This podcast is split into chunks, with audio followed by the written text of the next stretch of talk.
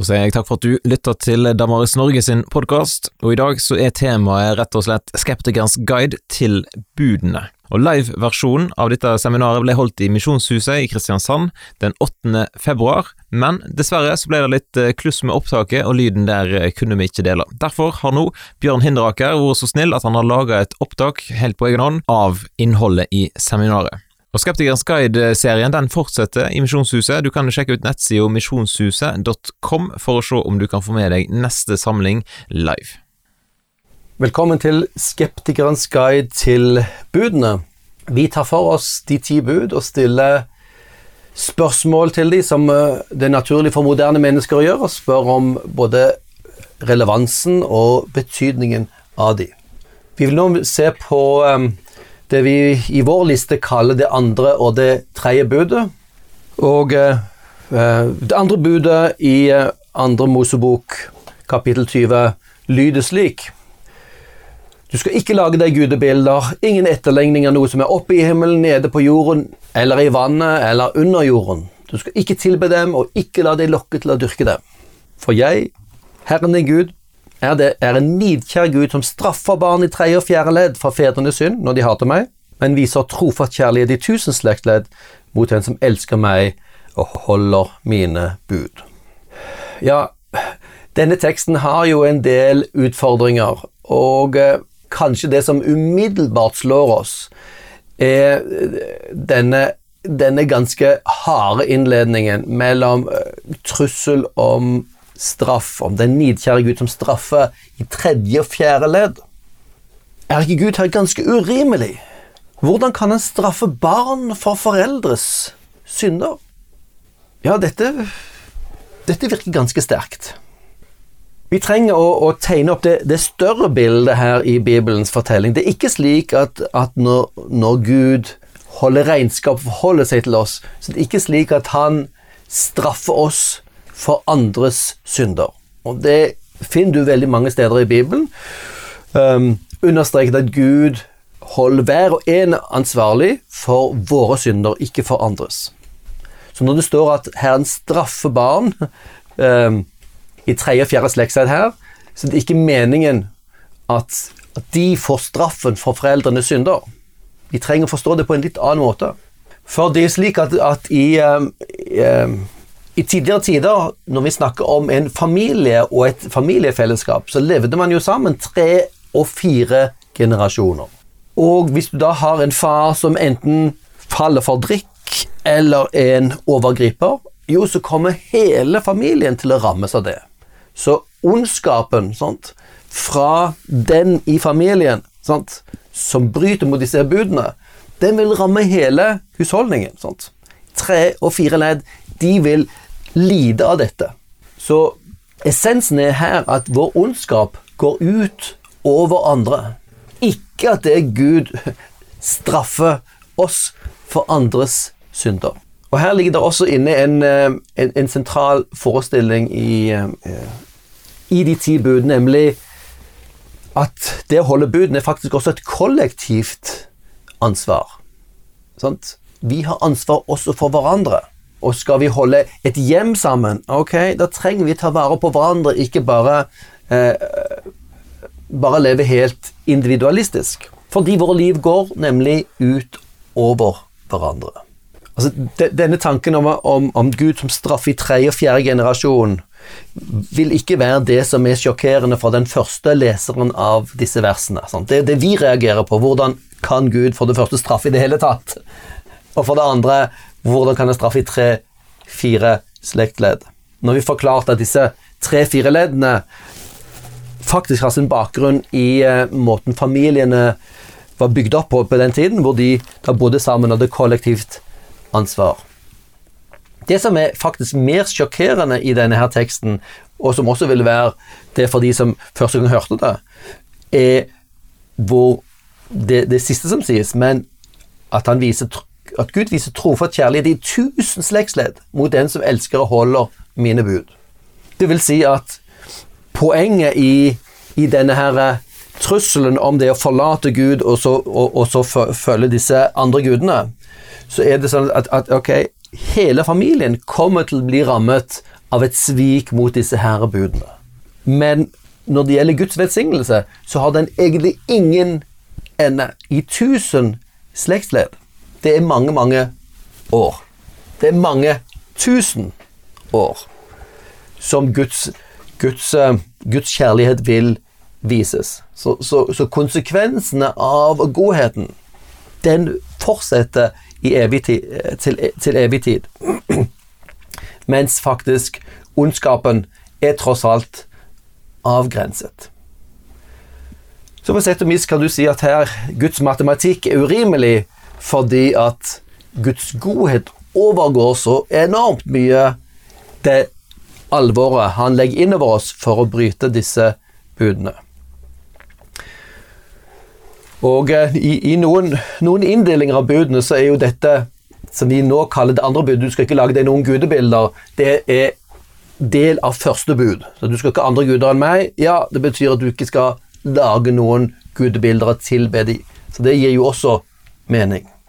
Vi kan jo også stille spørsmålet til, til dette budet om at du ikke skal lage deg noen gudebilder, ikke tilbe dem og ikke dyrke den.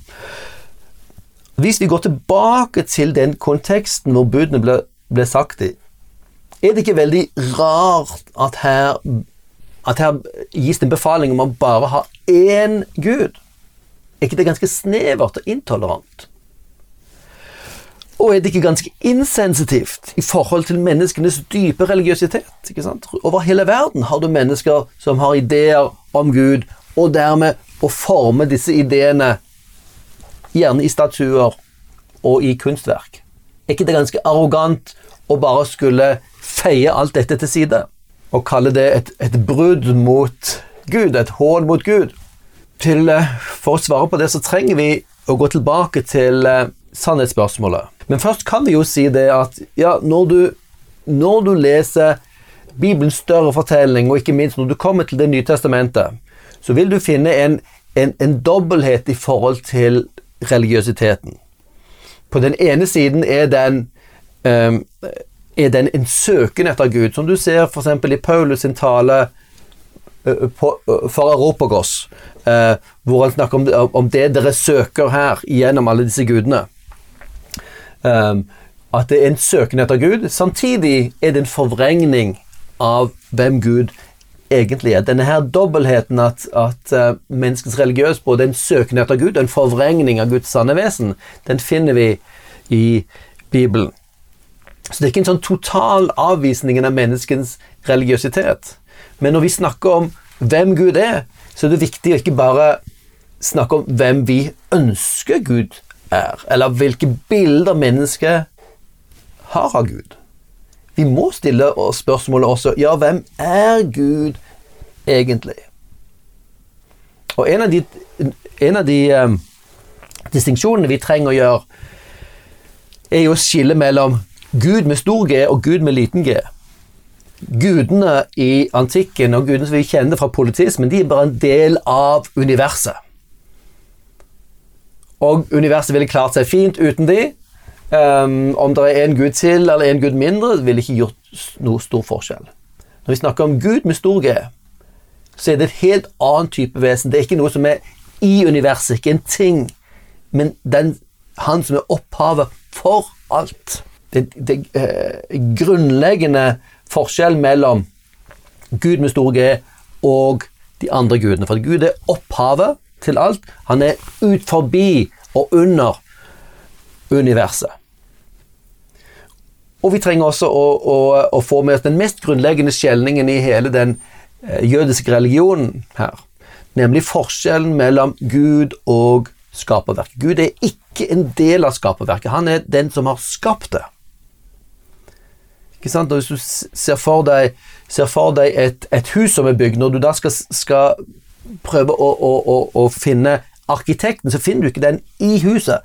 Arkitekten er ut forbi. Han har skapt og formet huset og husets logikk.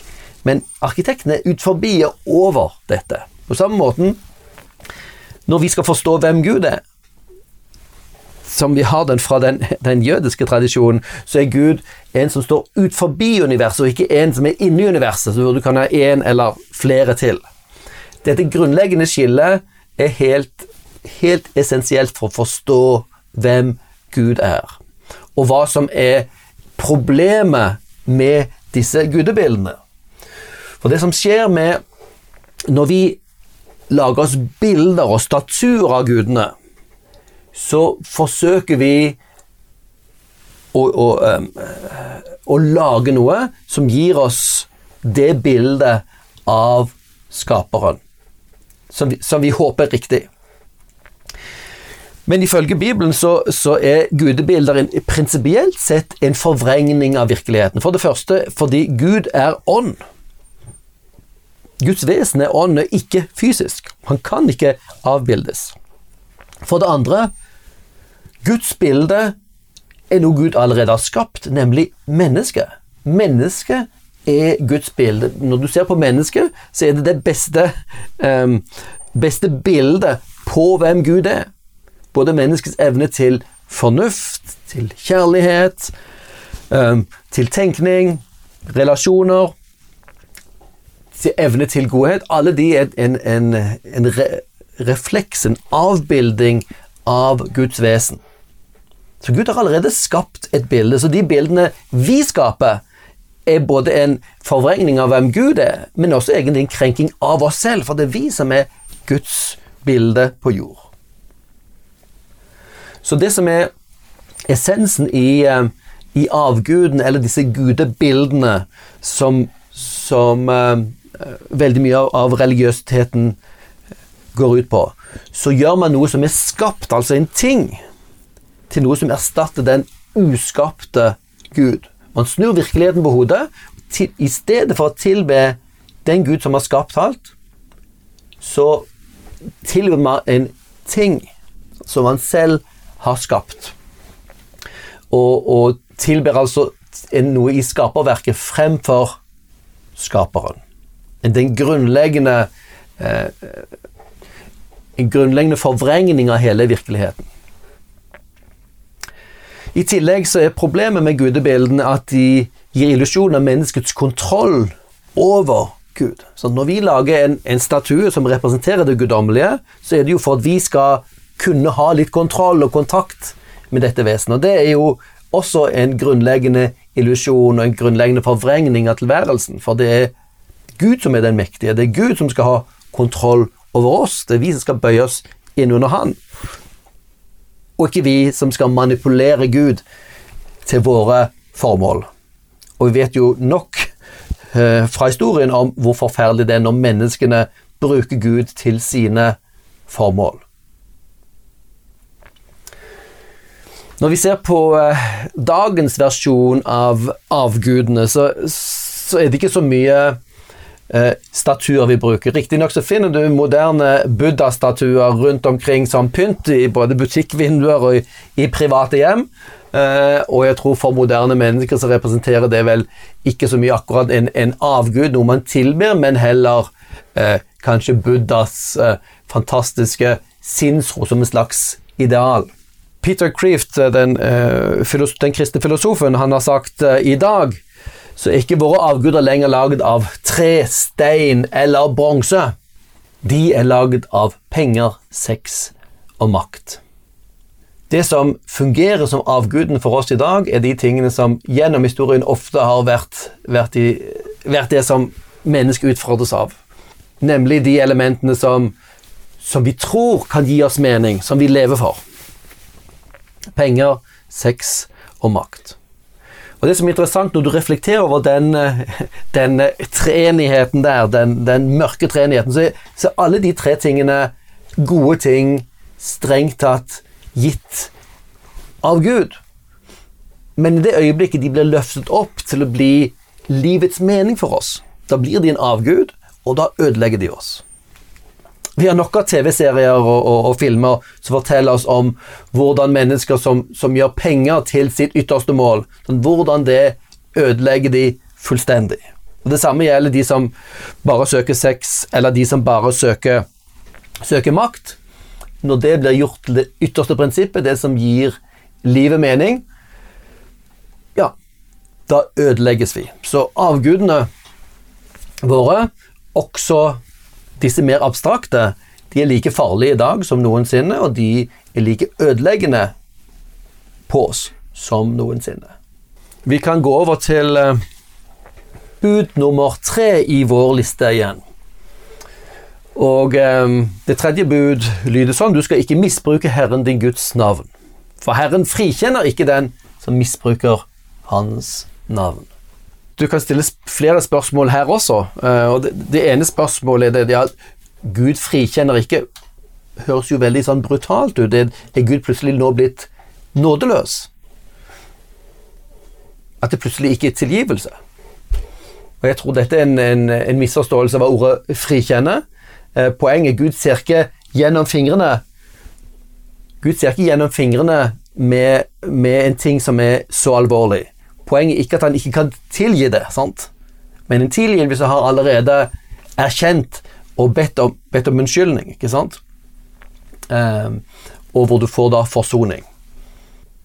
Men vi kan stille spørsmålet som kanskje enda er litt mer eh, enda litt dypere her. Du skal ikke misbruke Herren din Guds navn. Er ikke Gud litt sånn selvhøytidelig her? Hva er det som er så forferdelig farlig med Guds navn? Tåler ikke Gud en spøk? Sant? Hisser Gud seg skrekkelig opp over noen bruker navnet hans? Burde ikke han være like raus som oss, som, som eh, ja, kan takle litt ulike mennesker og glimt i øyet og litt humor. Vi tåler jo det. Kan ikke Gud også tåle det?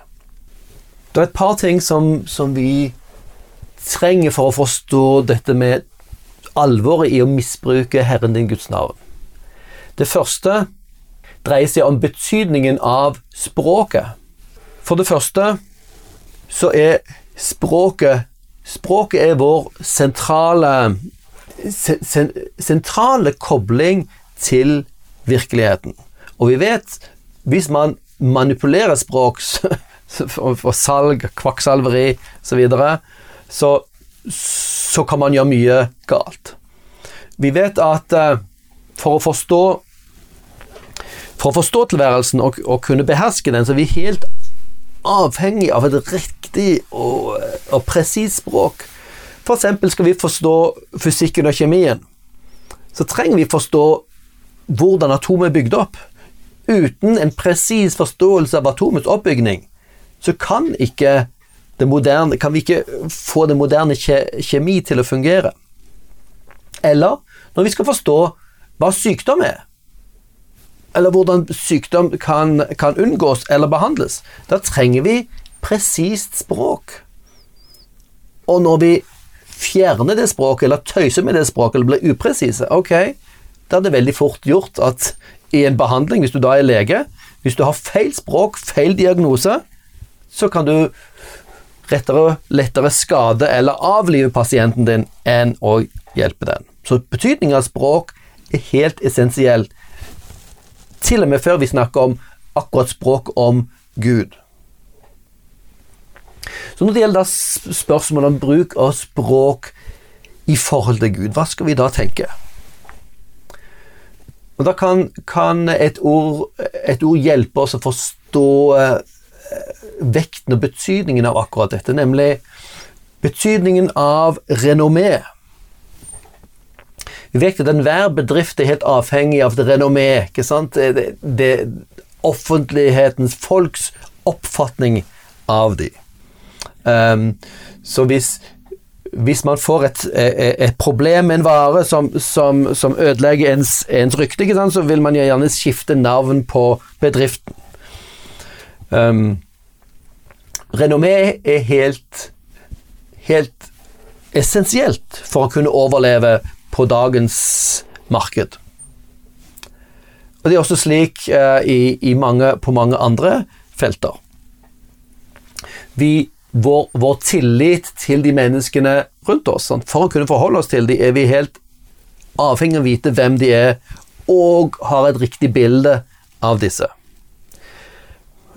Et skrekkelig eksempel her på, på hvordan dette med renommé slår inn, er jo uh, angrepet den 20, 22. juli, hvor eh, terroristen kledde seg ut som politi og ga inntrykk av at han var en som skulle hjelpe, og så var han den som drepte.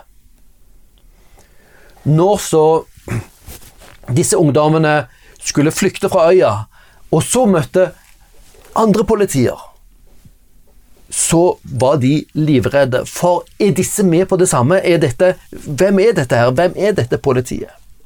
Faktisk er politi veldig, veldig avhengig av vår tillit for å kunne fungere. Er politi noe som skal hjelpe deg, eller er det en som er kjempefarlig? Er legen du går til, en du kan stole på, eller er han kjempe, eh, kjempe Er livsfarlig å komme inn under, inn under kniven for? Renommé er en kjempeviktig ting. Dersom Dersom f.eks. det finnes den eneste medisinen mot en sykdom, mot en, uh, mot en, uh, en, en, en pandemi Hvis ryktet spres om at denne medisinen, den, den skader da, da, da er det livsfarlig, ikke sant? Fordi folk vil ikke våge å ta medisinen. Renommeen til en ting er helt viktig for at mennesker skal våge å nærme seg den. Og sånn er det med Guds renommé. Hvis Gud er kilden til alt liv, kilden til alt det gode, kilden for hele virkeligheten Og for at vi skal ha liv, for at vi skal ha håp, for at vi skal finne oss sjøl, er vi avhengig av å finne Han og koble oss på Han. Ok, da er Guds renommé faktisk det viktigste for oss mennesker i hele livet. Hva tenker vi om Gud? Er han en vi vil våge å nærme oss? Eller er han bare en latterlig figur? Er han avleggs? Eller er han rett og slett livsfarlig? Å ivareta Guds renommé er en av de viktigste ting, ikke bare for Guds del, Guds del ikke bare for sannheten, sånt. for det er å tale sant om en ting, men det er også livsviktig for andre mennesker. Dersom han er livet, så kan svertingen av Gud, ødeleggelsen av Guds renommé, være livsfarlig for mennesker. Og Dette er noe av grunnlaget for det spesielle rollen Guds navn har hatt i Det gamle testamentet, og ikke minst for, for jødenes historie.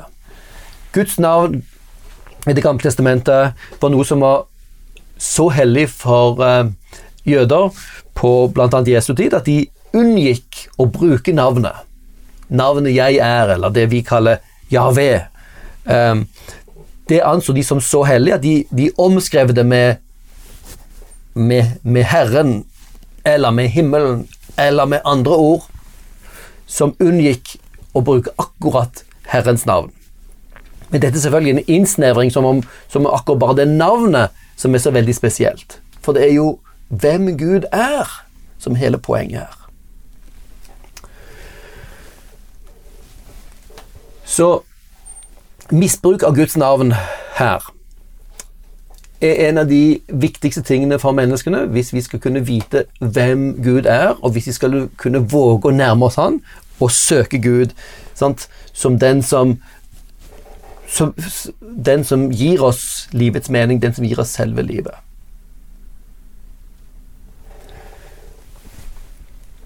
Så forvrengning og misbruk av hvem Gud er, er en veldig alvorlig ting når Gud er den han er. Vi kan også tenke eh, bitte lite grann på ja, hva vil det si å misbruke Guds navn? Um, de har sagt at enhver forvrengning av hvem Gud er, er jo en alvorlig ting, og er strengt tatt misbruk og forvrengning av Gud. Vi sier noe om Gud som ikke er sant. Det er en alvorlig ting i seg selv. Mange har tenkt at, at du skal ikke misbruke Guds navn, dreier seg først og fremst om banning. Det er kanskje en ganske overfladisk måte å se på dette budet på. Um, Riktignok banning er vel, er vel en, en, måte å bruke Guds navn på som ikke tar Gud på alvor, uh, og som dermed er problematisk. Hvis vi tenker etisk på det. Hvis Gud er den han er, og vi stadig bruker hans navn og referanser til han uten å mene det, ok, det er en måte å gjøre Gud irrelevant på, og egentlig erklære han som uvesentlig. Så det fins noe dypt om um, problematisk med, med banning. Men i, um, i, den opprinnelige betydningen av dette, ikke misbruke Herrens navn, så ligger nok litt dypere ting. For det første at det, man bruker Guds navn når man, eh, når man skal avlegge ed sånt, i en, i en rettssak. Når man skal sverge på at man er uskyldig. Og hvor, hvor da fristelsen kommer til å bruke det sterkeste um, Det sterkeste man kan. Nemlig bruke Guds navn som en uh, Som en um, garanti for sannheten i det. Og så er det da falsk. Da, da involverer du Gud i din falske ed, som er en kjempealvorlig ting. Gud svertes med din løgn. En annen måte å misbruke Guds navn på, som lå nær for de første som hørte disse budene, var nok også dette med å bruke Guds navn som til magi. At du, du kjenner Guds navn og bruker de magiske formler for å oppnå, for å bruke Gud til, til det du måtte ønske. Um, og, og, dette er en, en, en type praksis som uh, Bibelen er sterkt imot. og det, er, det, er, en misbruk av Guds navn. Um, og i det hele tatt å, å, bruke Gud til våre egne formål er dypt, dypt problematisk, som vi ser så mange eksempler på i, i, i historien. Og vi, i vår tid så, så, kan vi jo både, både nevne eh, de kristnes hykleri. Sånn, de bærer Guds navn på seg, men de lever ikke dette ut. Det er misbruk, feil bruk av Guds navn over seg selv når ikke de lever dette ut. Vi kan også nevne eh, dette med vranglære. Eh, når du ikke taler sant om hva Gud egentlig har sagt. Ok, Det er en måte å sverte og forvrenge Guds vesen og Guds, Guds ord på en eh, siste, siste, eksempel på misbruk av, av, Guds navn kan også være kommersialisering av kristendommen eh, og tro. At du, at du ser hver kristendom som noe skal skal gi deg suksess eller økonomisk framgang. Det er en måte å misbruke Du bruker Gud til noe annet enn han var ment å være. Å bruke religion og kristen tro til, eh, til økonomisk vinning er en grunnleggende misbruk av Gud og Gud, hans navn. Som en kort oppsummering her av, um, av disse tre første budene som vi nå har gått gjennom i disse to uh, delene, så, så er, er, hovedfokuset hvem er Gud, og hvordan behandle ham? Så kan vi si at ja, hvis Gud ikke finnes, ja, da har ikke moralen objektiv forankring. Verken det å skulle elske Gud, eller hvorfor vi nå skal elske vår neste. Ikke heller vår neste en trussel, noen som skal overvinnes, og noen skal nedkjempes, noen som skal underkues, hvis ikke Gud finnes. Men hvis Gud der, derimot finnes, så er moralen faktisk en del av virkeligheten. Han som har skapt universet, han har også preget virkeligheten med sitt vesen, som er godheten, og hvor, som de ti bud faktisk uttrykker. Slik forstått så kobler jo disse budene oss til virkeligheten. Det er ikke bare vilkårlig liste med regler, men det beskriver virkeligheten for oss og forklarer også hvorfor ting går galt. Jo, når ikke du, når ikke du eller samfunnet følger disse, så, så ramler ting sammen, så ødelegger vi hverandre. Og En av de tingene som jeg tenker er viktig å få med seg, at uh, disse budene, de ti bud, følger logisk ut ifra hvem Gud er. Det er ikke vilkårlige oppfinnelser fra Guds side om å skal finne på regler nå for oss, men de følger logisk ut fra hvem Gud er. For det første at Gud er det viktigste i universet. Han kan ikke erstattes. Hvis Gud finnes, så han er den viktigste for, å, å, å, forstå. Kan ikke erstattes med avgudene. Og hvis Gud finnes, så er kunnskapen om hvem Gud, hvem Gud er, hans renommé, en av de aller viktigste tingene. Både for oss og for våre medmennesker. Dette var den første um, delen, de første to delene av Skeptikerens guide til budene. Til neste samlingen så skal vi se Hvem er mine medmennesker, og hvordan behandle dem? Og, og, møte, og ta opp de utfordrende spørsmålene som bud fire til seks um, kan møtes med. Takk for at du lytta deg gjennom dette opptaket. Og hvis du er ute etter flere gode ressurser til denne tematikken, da anbefaler vi boka En tvilers guide til Bibelen, skrevet av John Dixon. Den kan du få kjøpt eksempel på snakkomtro.no. Og setter du pris på podkasten vår, ja, da kan du jo dele den med noen som du tror kan ha nytte av den, eller du kan gå inn på iTunes og skrive en omtale eller gi en vurdering av podkasten. Da kan det være med og bidra til at enda flere får med seg den gode podkasten vår.